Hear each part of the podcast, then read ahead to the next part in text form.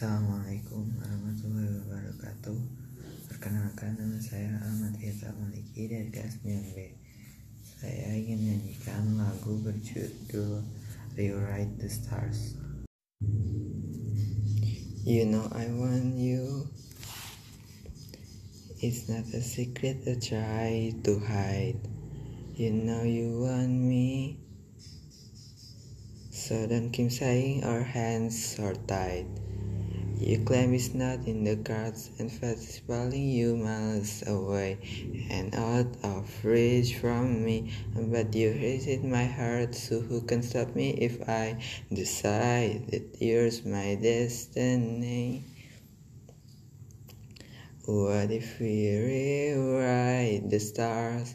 Say you were made to be mine. Nothing could keep us apart.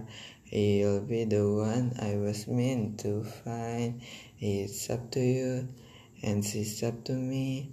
No one can say what we get to be.